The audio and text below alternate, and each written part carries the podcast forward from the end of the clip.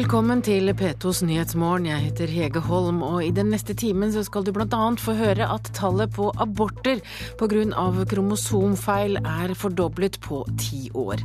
Det er varslet hektisk møtevirksomhet i dag om romleiren som ble flyttet fra Sofienberg kirke til et grustak på Årvoll i helgen, og vi er i leiren.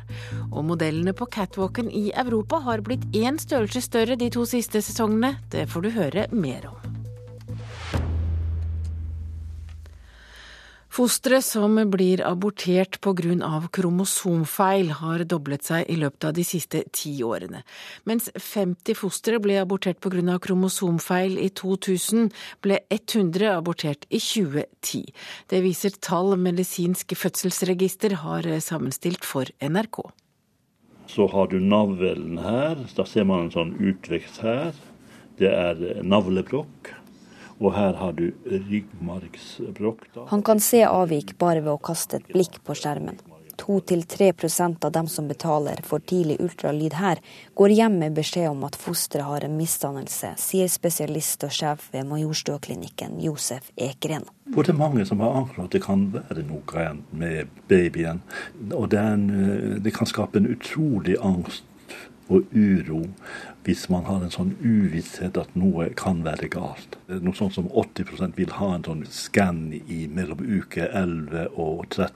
I de her ukene ses misdannelser som ikke kan oppdages senere i svangerskapet.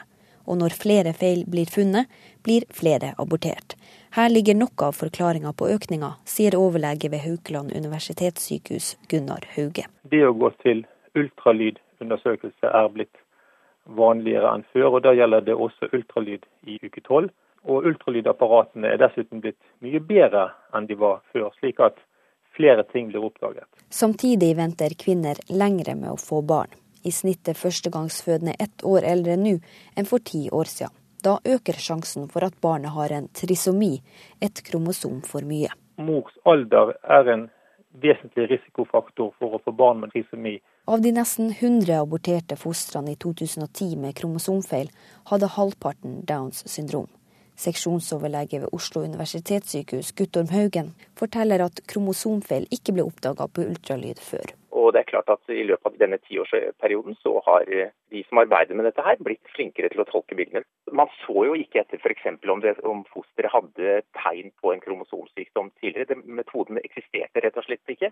Da var det bare en fostervannsprøve som var aktuell, hvor da risikoen for en spontanabort var en halv til 1% I dag så kan man la være å ta en fostervannsprøve fordi risikoen da vurdert ved ultralyd blir så liten. Man ser altså en væskeansamling bak i nakken det er den, den, viktigste markøren man har for om det skal være en, et, et kromosomsykdom hos fosteret. Nesten alle gravide som får påvist Downs hos fosteret, velger abort. Overlege Gunnar Hauge er derfor ikke overraska over at aborttallene stiger. I grunnen er jeg nesten litt glad for at ikke den økningen er enda større. Og reporter her var Kristine Svendsen. Sølvi Marie Risøy, du er førsteamanuensis ved Høgskolen i Sogn og Fjordane, og du har skrevet en doktorgrad som bl.a. handler om kvinner som tar abort fordi barnet har kromosomfeil. Viser den økningen vi hører om her, at kvinners terskel for å ta abort er blitt lavere? Nei. Det har ikke vært det som du kan kalle et moralsk forfall, eller noe som ligner på det. Forskjellen fra før og nå, og på de ti årene, er at kvinners alder er blitt høyere, og at um, at det, de medisinske undersøkelsesmetodene er blitt bedre. Så det er rett og slett flere som tar valget, får valget, og når kvinnene får valget, så velger de fleste abort. Hvor mange tar abort når de har funnet kromosomfeil? Det, det, er liksom varierende hvilke tall som blir oppgitt, men de, sier, de fleste sier rundt 95-98% av de som får oppdaga kromosomfeil, de velger å ta eh, abort. Når kvinner oppdager at, eller får høre at det er funnet avvik på barnet de bærer, hvordan reagerer de? Det er sjokk. Eh, det er sjokk og, ja, nesten vantro. Det oppstår en slags sånn eh, unntakstilstand. Og En kvinne beskrev det litt som å forsikre huset. Når du forsikrer huset for brann og sånn, så tenker ikke du på at ditt hus faktisk kan komme til å brenne. Og sjokket blir helt fundamentalt hvis huset brenner. Og, og det du oppdager òg hvis huset brenner, det er at det ikke alt du har som en gang lar seg erstatte med denne forsikringen. Så hun sa det her var jo Jeg tok jo bare den prøven, og jeg tok bare disse undersøkelsene for sikkerhet, sikkerhet, sikkerhets skyld. Og så rammer det meg så fundamentalt. Hva skjer når man da får beskjed om at det er avvik? Det blir eh, det blir en unntakstilstand, eh, og kvinna må ta en avgjørelse. Og hun må tolke denne medisinske informasjonen. Jeg hadde i mitt datamateriale to kvinner som tok abort pga. et kjønnskromosom... et kjønnskromosomavvik som heter Kleinfelter. De står overfor den samme avviket. De får nesten helt lik informasjon. Den ene hun tolker det sånn Oi, Alt dette de forteller om Kleinfelter, alt dette kan min gutt få. Men sånn andre hører all informasjonen, og så tenker hun ja, men alt det her er jo innenfor normalen. Denne gutten vil jo bli normalt intelligent. Disse velger Den ene velger abort, og den andre velger ikke abort. Det er nesten så du ikke kan se på det som ligger til grunn for beslutningen, men på hvordan kvinnen må være for at beslutningen skal være rett. Og det jeg fant at For at beslutningen skal på en måte bli rett, så må kvinner virkelig lide. Og hun må virkelig ha det vanskelig med å ta denne beslutningen. Det må gå på det innerste og djupeste i hennes sjel, og hun må stå helt alene. Takk til deg, Sølvi Marie Risøy. Du er også førsteamanuensis ved Høgskolen i Sogn og Fjordane og har skrevet doktorgrad som bl.a. handler om nettopp aborter pga. kromosomfeil. Da skal vi til Moskva, for eh, i dag skal, eh, får Putin besøk av Kofi Annan, og de skal diskutere hva som kan gjøres med blodbadet i Syria. Og Annan han har altså lansert en fredsplan som ingen av partene i Syria respekterer, men utsendingen fra FN og Den arabiske liga har ikke gitt opp forsøket på å løse konflikten i Syria. Og NRKs Russland-korrespondent Hans-Wilhelm Steinfeld, du er med oss fra Moskva, og i en pressemelding har president Putin gjentatt at han fortsatt støtter fredsplanen til Annan. Men hva betyr det egentlig i praksis? Det betyr i praksis at uh, Russlands president Vladimir Putin ikke aksepterer at en forutsetning for en løsning i Syria skal være at president Assad går av. Um, dette har russerne hatt som syn hele tiden. De støtter uh, Kofi Annans plan, men som alle vet, har hans forslag i fem punkt til våpenhvile blitt brutt. Og uh, som general Robert Modi i Syria sa i helgen, han leder FN-observatørene, nå er det jakten på svar som starter. Ja, hva venter man egentlig at kan komme ut av møtene i dag mellom Annan og Putin? Ja, det er I morgen Kofi Annan treffer Vladimir Putin. I dag treffer han eh, utenriksminister Sergej Lavrov og får en gjennomgang fra utenriksministeren om det stående russiske standpunktet. Så vil det nok være mulig at, um, at Kofi Annan får Putin med på å øke presset mot Assad-regimet. Og ikke minst spiller det en rolle at den franske presidenten Francois Hollande i går gikk ut og appellerte til russerne om å endre sitt syn. Dette er viktig fordi Frankrike var en viktig alliert i sin tid for Putin da han reiste opposisjon mot invasjonen i Irak. Men ellers er det ikke ventet at Putin vil gå lenger enn å si at han i prinsippet, som tidligere, støtter Kofi Annans fredsplan og bestrebelser for å få til en forhandlingsløsning. Men russerne har jo forsynt det syriske regimet med våpen i lang tid. Fortsetter disse våpenleveransene selv om man snakker om et eh, samarbeid om å få fred? Ja, så lenge president Assad sitter i Damaskus, er russerne kontraktbundet av å levere reservedeler til de eh, kontrakter som bl.a. fly, eh, og som er inngått med regimet. Fem russiske krigsskip sies å være på vei nå til den russiske marinebasen i Tartus. Men det må også fremholdes her at russerne har et dårlig tillitsforhold til USA nå. Russerne mener USA førte an i misbruket av FN-mandatet da det sto om Libya i fjor, og mener at det mandatet som gikk på luftoperasjoner for å skjerme befolkningen, ble misbrukt til å gjøre vestmaktene til en del av borgerkrigen i Libya. Det vil ikke russerne tillate i Syria denne gangen. Så får vi se hva som skjer på møtene i dag og i morgen. Takk til deg, Hans-Wilhelm Seinfeld fra Moskva. I Israel satte en mann fyr på seg selv i helgen i protest mot regjeringens økonomiske politikk. Stadig flere israelere faller under fattigdomsgrensen, og hundretusener sliter med å få endene til å møtes.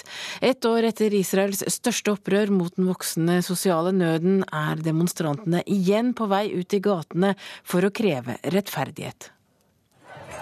Igjen fyller de gatene i Tel Aviv israelere i alle aldre som ikke lenger greier å betale regningene sine. Prisene må ned og lønningene opp. Vi krever rettferdighet og verdighet, lyder noen av parolene. Hvert tredje barn lever under fattigdomsgrensen i Israel, meldte Rådet for barns velferd i fjor.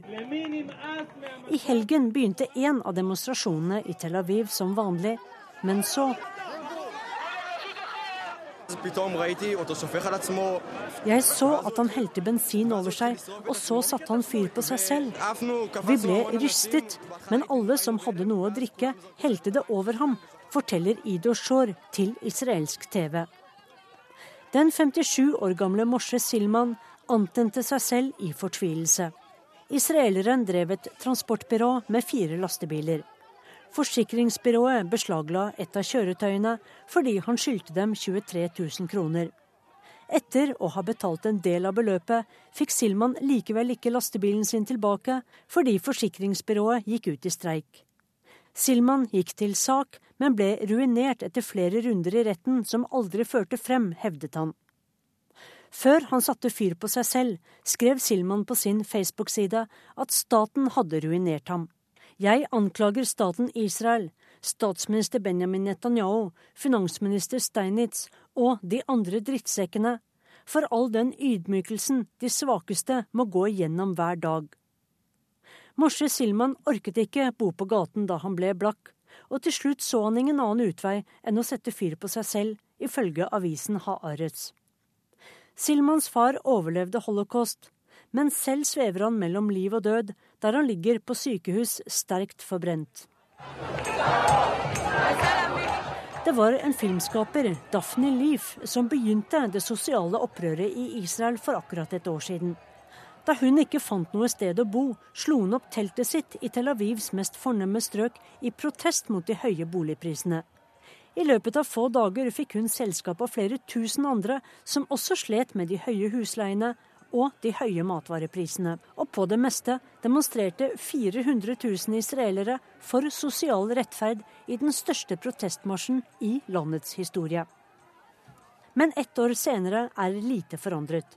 Da demonstranter igjen satte opp telt i Tel Aviv, kom politiet og fjernet dem. Men nå har Silman satt sosial nød ettertrykkelig på agendaen.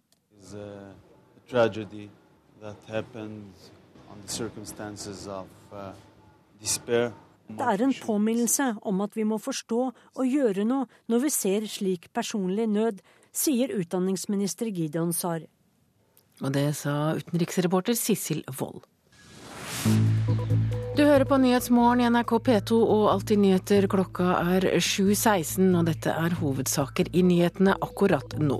Tallet på fostre som er abortert pga. kromosomfeil er fordoblet på ti år. Kofi Annan møter Putin i dag for å bli enige om hvordan blodbadet i Syria skal stoppes, og modellene på catwalken i Europa har blitt større. Ledelse og helsepersonell i bydel Bjerke skal i dag møtes for å diskutere romleiren på Årvoll i Oslo. Bydelsutvalget frykter at flere vil flytte dit når de har fått en tomt å være på. I tillegg er de bekymret for at de sanitære forholdene ikke er lagt til rette for at mange mennesker skal bo der. Også naboer har uttrykt misnøye med leiren, og leder i Bjerkes bydelsutvalg, Steinar Arnesen, har kalt inn til et møte i morgentimene. Ja, Da gjelder det først å få en eh, oversikt over hva vi kan gjøre og hva vi skal gjøre. Og da er det de nødvendige personer fra bydelen som møtes. Altså direktør, bydelsoverlege, representanter fra både helse, sosial og barnevern. Fordi vi må se på det som en helhetlig løsning på saken. Så er det jo flere andre kommunale instanser inne i bildet. I helga flytta romfolket fra Sofienbergsparken til Årvoll, og flere naboer ga uttrykk for bekymring rundt de sanitære forholdene. Men sekretær i Folk er folk, Bjønnulf Evenrud, er ikke bekymra for dagens varslede møte. Foreninga har nemlig iverksatt tiltak. Det kommer opp to toaletter som tidligere har blitt brukt på Sofienberg kirke. Eh, og vi har også tre andre toaletter bak, tilfelle vi må dimensjonere med flere. Hvor viktig er det å få på plass eh, disse toalettene? Det er selvfølgelig avgjørende. Hvorfor det? For å, ha, for å kunne bo der, så, så, må man jo selvfølgelig ha toaletter. I tillegg til toalettene skal de få vann på plass, og de har også en plan for avfallshåndtering. Dermed skal det være fullt mulig for romfolket å bli boende, sier Evenrud. Er, eh, jeg kan ikke se at det skulle være noe, noe problem. og det, det, er jo noe som eieren eventuelt må ha en dialog med, kommunen om. Men du tror fortsatt de vil bli boende der selv etter dette møtet? Ja, det, det regner vi med. Og reporter var Ole Marius Rørstad. Og reporter Irina Kjelle, du er ved romleiren på Bjerke. Hvordan er stemningen der på morgenkvisten? Her er det ganske rolig morgenstemning. Sola skinner i Oslo, og eh, det er rett og slett ganske stille i leiren. Eh, folk har begynt å våkne litt. Jeg ser noen kommer ut av både ja, Noen bor jo i biler, noen bor i telt. Det ryker litt fra et bål. Eh, og noen biler har allerede kjørt av gårde. Det er litt sånn vanskelig å se, fordi at hele området er jo nå sperra av med både presenning og gjerde, så det er ikke helt lett å få, å få innsyn her. Men hvor mange tror du det er som bor der? Nei, altså Jeg kan telle ca. åtte-ti biler, sånn som jeg kan se det. og La oss si at det da er fire-fem stykk per bil, så er det jo en 40-50. Og det er jo betydelig færre enn det var utenfor Sofienberg kirke, der det var ja, 200 omtrent. I dag er det møte i bydelen om situasjonen. Hva vet du om det? Ja, altså Det møtet kom jo pga. at leiren har skapt eh, mye harme blant eh, naboer her. Eh, det har vært en del bråk, bråk i helga med fyrverkeri, amper stemning. Nå har politiet meldt om at det har vært en rolig natt i natt, bortsett fra at at det vært, var en trekkspiller som spilte litt, litt for seint om natta. Men det er altså grunnen til at, at de skal møtes i dag.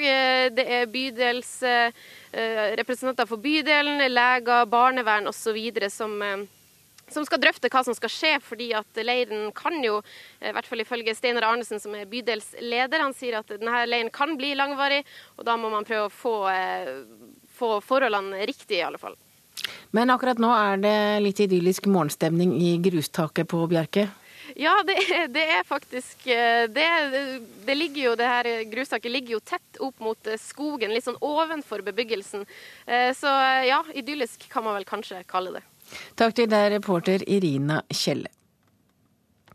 Norsk industri kan gå på en smell dersom oljeprisen faller betydelig, slik flere eksperter venter vil skje om noen år. Det sier nestleder i miljøorganisasjonen Zero, Marius Holm. Han mener norsk industri i altfor stor grad er rettet inn mot oljesektoren, og at det utgjør en risiko for norsk økonomi. Jeg leter etter noen skatter som verden trenger for å fungere. Og for å få tak i dem, så må vi reise langt, langt ut på havet. Mye, mye lenger enn til bestemor. Det norske oljeeventyret, her skildret i en av Statoils egenpromoteringsfilmer fra i fjor, er fortsatt et særdeles lønnsomt eventyr. I hvert fall så lenge oljeprisen holder seg rundt 100 dollar fatet. Men flere analytikere tviler på at oljeprisen vil holde seg så høy i årene som kommer. Nylig konkluderte en rapport utgitt ved Harvard-universitetet i USA med at oljeprisen kan komme til å falle kraftig i perioden 2015 til 2020. Ifølge rapporten er det investert så mye i økt produksjon verden over at tilbudet av olje vil øke mer enn etterspørselen, så mye at oljeprisen kan komme ned mot 70 dollar fatet, muligens ned mot 50. Ja, dette er eh, uhyre dramatisk for norsk økonomi hvis oljeprisen blir eh, bortimot halvert. Eh, og det, det, betyr at vi må vende oss av med å ha en sånn superprofitt som vi har hatt på olja vår. Sier nestleder Marius Holm i miljøorganisasjonen Zero. Han mener et kraftig oljeprisfall vil gi mange ledige hender, særlig i leverandørindustrien. Og Det som er synd da, er jo at vi har bare så vidt foten innenfor fornybarsatsingen i Europa. England satser voldsomt på å bygge offshore vind. Der kunne norsk leverandørindustri vært uhyre konkurransedyktig med den kompetansen de har. Men man har valgt å holde seg til olje fordi det har vært superlønnsomt. Nå kan vi få straffen for det. Men bransjedirektør Knut Sunde i Norsk Industri er ikke like bekymret for konsekvensene av et eventuelt oljeprisfall. Han mener store deler av norsk industri vil kunne omstille seg raskt til f.eks. offshore vindkraft. Bl.a. fordi offshore vind er en kjempesatsing i Europa og internasjonalt. Og det er unektelig en del av fornybarenergien. Og allerede i dag har vi 70 bedrifter som er inne i offshore vind, og de kommer alle fra oljeklynga. For det er den samme teknologien, det er bare en litt annen måte å anvende teknologien på. Så vi er der allerede, og jeg mener at her har vi en synergi som vi kommer til å spille videre på. Ja, det får vi se. Reporter her var Halvard Norum. Henrik Ingebrigtsen vil løpe så mange konkurranser som mulig før OL i London, i håp om at han finner superformen. I helga satte han ny norsk rekord på en engelsk mil, mye pga. alle stevnene han løper. Jeg tar det som konkurransespesifikk trening, så jeg føler det funker veldig bra for meg. Men du gjør konkurrerer mer enn veldig mange andre norske utøvere? Ja, I begynnelsen av sesongen så gjorde jeg ikke det, men nå også funker det veldig bra. Vel så at Henrik er brukbart med, passerer 3,50 i dette øyeblikk. Og da skal det bli norsk rekord på Henrik Ingebrigtsen, som er inne på 3 av 3,54, vil jeg si. Slår med EM-gull og en rykende fersk norgesrekord på en engelsk mil, håper mange på Henrik Ingebrigtsen under OL i London. 21-åringen er i ferd med å spisse formen, og det gjennom å løpe mange konkurranser, men også ved å bestemme over egen trening. Ja, altså, Det er ikke bare meg som står bak den uh, trenerjobben der, men syvende og sist er det jeg bestemmer. Så uh, det er ingen andre som kjenner meg så godt som jeg gjør. Og Dermed skal mange komme med bra input, men uh, det, det, er jeg som gjør liksom de final så. så det funker bra. Ja, En litt andpusten Henrik Ingebrigtsen til reporter Simen Sveen og Line Andersen. Da har vi kommet fram til dagens ferske aviser. Verste flom på over 60 år i Troms i helgen. Avisen Nordlys har historien om det eldre ekteparet som måtte reddes ut med helikopter da vannmassene omringet dem og bare steg og steg. Direktoratet for samfunnssikkerhet og beredskap, DSB, har dårlig kontroll med farlige kjemikalier og eksplosiver. Vi klarer ikke å gjøre jobben vi er satt til å gjøre med de ressursene vi disponerer, sier DSB-direktør til Bergens Tidende. Bergensavisen feirer fotballaget Brann, som slo Odd 6-2 på hjemmebane i går. Seier som sier seks på terningen, skriver avisen på forsiden. Og hyttesalget går tregt når været er dårlig. Sommerens hyttesalg ved sjøen har regnet bort, sier eiendomsmeglere til Finansavisen. For første gang har forskerne bevist at værendringer skyldes menneskeskapte utslipp, også i Norge. Over hele verden er det mer rekordregn, flere flommer, hetebølger og orkaner, skriver Dagsavisen.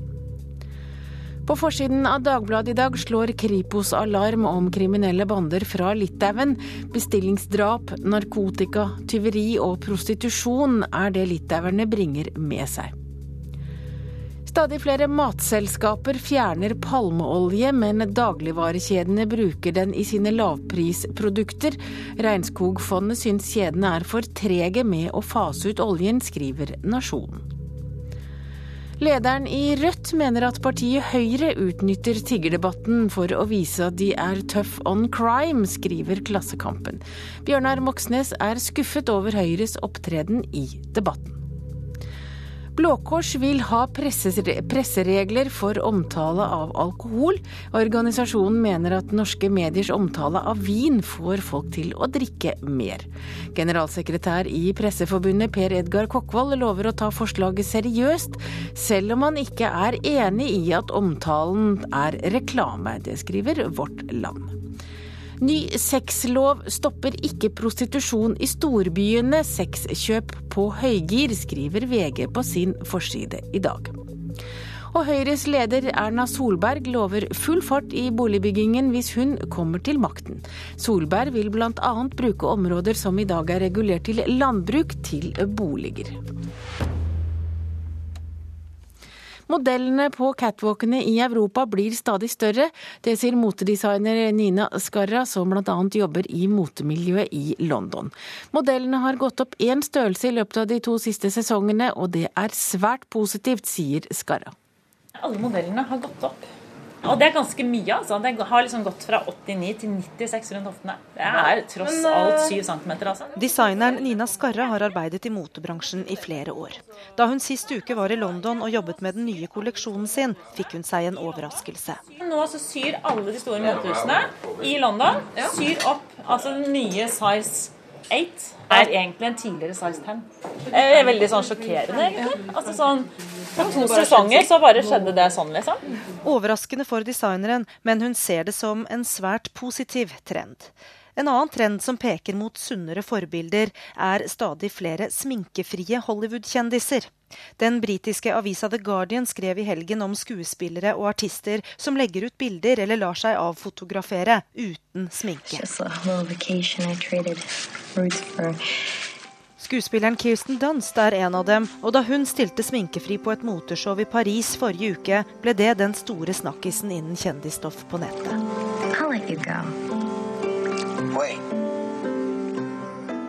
Så det er litt problematisk nå fordi at New York ikke er kommet dit. For designeren Nina Skarra er den nye trenden blant modellene litt problematisk. Hun skal nemlig vise sin nye kolleksjon på moteuka i New York i september, som første nordmann der. Men der har modellene ennå ikke vokst på seg en størrelse. Skarra velger likevel å sy opp kolleksjonen sin etter den nye trenden. For hun liker utviklingen. Jeg syns det er en veldig positiv utvikling. Altså, jeg synes Det er kjempefint at det liksom har kommet uh, dit at, uh, at uh, man skal ha en sunn kropp og ikke nødvendigvis liksom så skraptynn. Og så tror jeg også det at folk blir større. Altså, så nei, jeg syns det er veldig positivt. Og Skarra ble intervjuet av vår korrespondent Gry Blekastad Almås. Nå er det øyeblikkelig Dagsnytt her i P2s Nyhetsmorgen.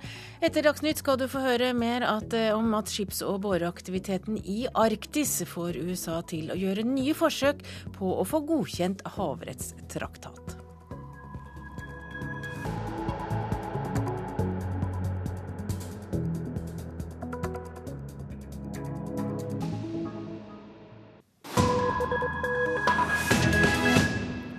Pettos Nyhetsmorgen fortsetter. Nå skal vi til eh, USA, for skips- og boreaktiviteten i Arktis får nå USA til å gjøre nye forsøk på å godkjenne en havrettstraktat.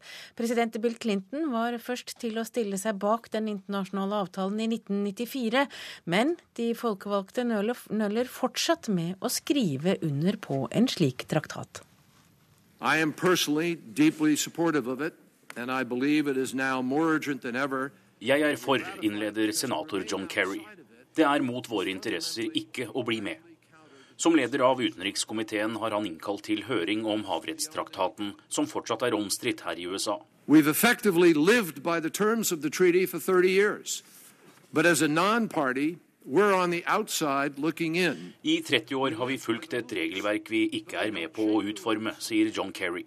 Nå bør vi sikre våre økonomiske og sikkerhetspolitiske interesser, mener han.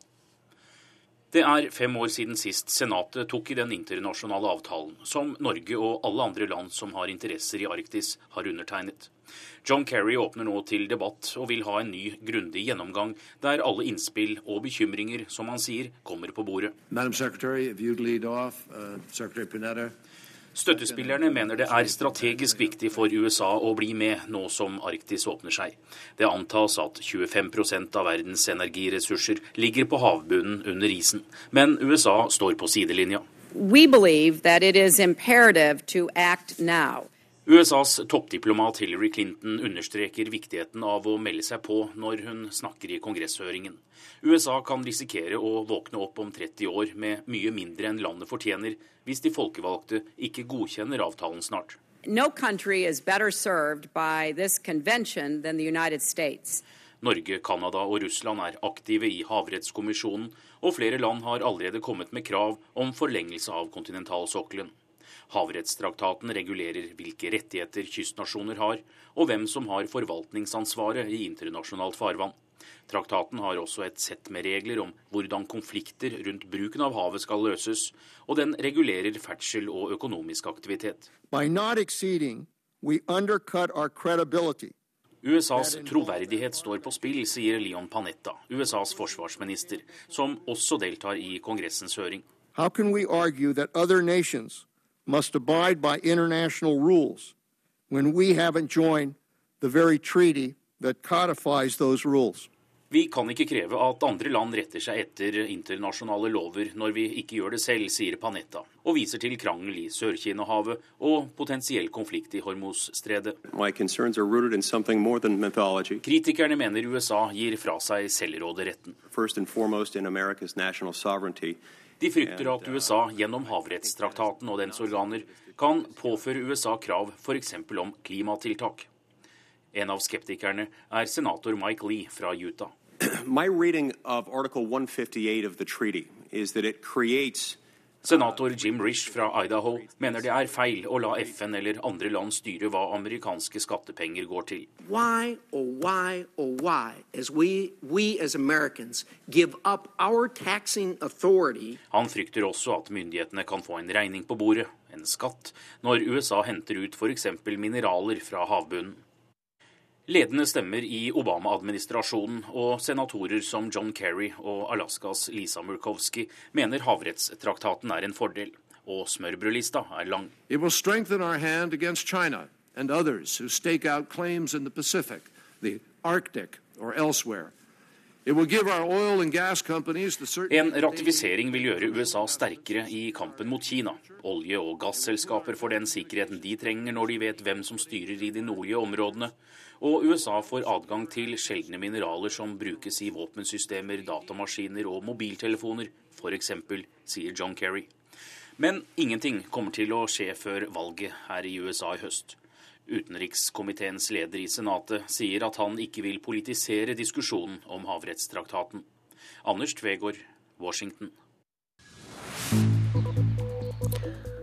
Klokka er 7.44, du hører på Nyhetsmorgen i NRK P2, og dette er hovedsaker i nyhetene akkurat nå. Dobling av tallet på kvinner som tar abort pga. kromosomfeil. Kofi Annan møter Putin i dag for å bli enige om hvordan blodbadet i Syria kan stoppes, og FNs mål om å begrense global oppvarming til under to grader står i fare. FNs mål om å begrense global oppvarming til under to grader står altså i fare. Det internasjonale energibyrået tror ikke at verdens land klarer å kutte CO2-utslippene nok innen 2017. En alvorlig diagnose for kloden, sier miljøvernminister Bård Vegar Solhjell. Det siste vi vet viser at det går i gal retning, mens det vi driver med å skal kutte, så går utslippene opp. Miljøvernministeren er på vei til Tyskland for å delta på formøter til det neste klimatoppmøtet. Vel vitende om at CO2-utslippene aldri har vært så høye som i 2011. Uten nok handling så kommer klimaendringene raskere på oss enn vi har trodd. Det viser at det haster å få til en internasjonal avtale der alle land er med. Det internasjonale energibyrået anslår at CO2-utslipp fra fossile brensler i 2011 økte med drøye 3% fra året før. Spesielt er økningen stor i Kina. Byrået konkluderer med at muligheten for å nå FNs togradersmål, altså begrense temperaturøkning på jorda til to grader, snart er tapt. Dette er i ferd med å bli en situasjon som er langt mer alvorlig og mye mer dramatisk enn hva vi trodde bare for tre-fire år siden. Og Det gjør bl.a. at uh, politikerne må tenke helt nytt. Sa Bellonas Fredrik Hauge. Per-Willy Amundsen i Frp er derimot mindre opprørt over at det spøker for togradersmålet. Det er kanskje ikke helt klart og tydelig at de mest illevarslende scenarioene som bl.a. FNs klimapanel har stått for, nødvendigvis er det eneste riktige. Her er også vitenskapen fremdeles uenig internt. Men noe alle ser ut til å være enige om, er hvor avgjørende det er at de største landene er med på laget. Dersom vi hadde hatt på plass en bindende internasjonal avtale som også omfatter de store utslippslandene i verden, eh, og man hadde eh, si, bundet seg til å redusere utslippene i tråd med togradersmålet, ja, så hadde situasjonen vært eh, ganske annen. Faktisk er det sånn at Kina alene står for tre fjerdedeler av veksten i CO2-utslipp fra fossil brensel i 2011. Så uten at vi klarer å dra Kina inn i det internasjonale arbeidet, få dem med på en avtale, at de kan ha vekst uten økte CO2-utslipp fra kull og olje, så vil vi ikke klare å nå målene, rett og slett. Ja, det sa miljøvernminister Bård Vegar Solhjell til reporterne Hanna Lunde og Lars Nehru Sand. Og i studio her har jeg fått direktør ved Cicero senter for klimaforskning, Cecilie Mauritzen. Og CO2-utslippene i verden har aldri vært så høye som i 2011, hører vi her. Og hvor alvorlig mener du at det er? Det mener jeg er veldig alvorlig. For det viser at til tross eh, intensjoner i flere tiår, så eh, stiger utslippene. De, de går ikke nedover som de burde gjøre. Men blir du overrasket over det? Nei, det er ingen overraskelse der. Det, det er ingen avtaler på bordet som eh, egentlig kan få de utslippene ned slik de burde. Men mener du at dette togradersmålet nå rett og slett er en saga blått? Nei, det ligger jo fremdeles et lite vindu her eh, eh, når det gjelder å, å, snu trenden. Er, man kan snakke om at den antagelig er nokså urealistisk, men eh, det er fremdeles et lite vindu, et lite håp. Har du tiltro til at verdens politikere til slutt blir enige om en avtale som monner? Vi må ha tiltro til det. Vi må eh, håpe det. Men samtidig så tror jeg det er mye interessant som skjer på eh, mellomlandsnivå. Eh, altså Kina ble det nevnt her, og det skjer mye interessant i Kina, selv om de ikke er villige til å være med på internasjonale avtaler. Eh, så det er ikke sikkert at eh, det er bare disse superinternasjonale avtalene som kommer til å føre oss framover. Nei, og man snakker jo stadig om at det er teknologien som kan komme til å redde verden, men går utviklingen for sakte? Uh, ja, ja, nei. Uh, det, det, finnes utrolig mange løsninger på bordet allerede. Så jeg, jeg, tror ikke det er akkurat teknologien det nødvendigvis står på. Uh, det er mer vilje. og tørre å omstille seg. Hvor sikker er man egentlig på hvor mye CO2 som skal til for at temperaturen på jorden skal stige med to grader? Nei, Det, det ligger eh, en, et, en, feilmargin rundt det. Det er ikke et helt nøyaktig forhold mellom CO2 og eh, en grad eh, i atmosfæren. Eh, men eh, uansett så er det et positivt tall, altså et plusstall. der eh, Eh, mer CO2 gir mer eh, temperaturøkning. Og eh, si det er to pluss-minus 0,2 grader, da. så det, det er usikkerhet, men vi vet nokså mye. Det pågår altså nå et toppmøte i Berlin der bl.a. vår egen miljøvernminister er. Hva tror du kan komme ut av det? Jeg spurte ikke hva håper du? Nei, et lite All kommunikasjon, all dialog er naturligvis uh, av det gode. Så. Men det kan virke på meg som politikeren syns det er lettere å tilpasse seg klimaendringer enn å forebygge? Ja, jeg tror det ligger et lite håp der om at det skulle gå an å tilpasse seg ut av dette problemet. Men det vet vi at det ikke går. Takk til deg, direktør ved Cicero senter for klimaforskning, Cecilie Mauritzen. En behandling som kan forlenge livet til opptil 200 pasienter med uhelbredelig lungekreft, kan bli tilgjengelig på norske sykehus. Vedlikeholdsbehandlingen kan gi pasientene rundt fem måneder ekstra levetid, ifølge en rapport fra Kunnskapssenteret. Det er imidlertid opp til Helsedirektoratet sammen med fagmiljøet å avgjøre om behandlingen er god nok, og om de ekstra månedene levetid er verdt prisen. Så har vi et sånn timeplan da, for hele uka. Eva Laugerud Paulsen blar i en brosjyre fra Vardesenteret, som er en møteplass for kreftrammede og deres pårørende, hvor Eva jobber som frivillig. Hvis det er noen som, noen som eh, har lungekreft f.eks., som vil snakke med en med lungekreft, så sier de at ja, til torsdagen kommer Eva. Vi kan jo snakke om å være redd og Vi veit jo hva det her er. Det er fem og et halvt år siden Eva fikk beskjeden om at hun har lungekreft. Etter seks kurer med cellegift eh, forsvant to av tre kuler, og hun lever forholdsvis godt med kreften. Eva er imidlertid en av veldig få med lungekreft som lever etter fem år. Mange får betraktelig kortere tid. Men en behandling som kan forlenge livet til enkelte pasienter, kan snart bli tilgjengelig på norske sykehus. Dette mener vi bør brukes til alle lungekreftpasienter som kan ha nytte av dette. Sier Regine Daniel Ihlen, styreleder i Lungekreftforeningen. Ved å gi pasienter injeksjoner med legemiddelet Premetrexed rett etter behandling med cellegift, så kan de få rundt fem måneder ekstra levetid, ifølge en rapport fra Kunnskapssenteret.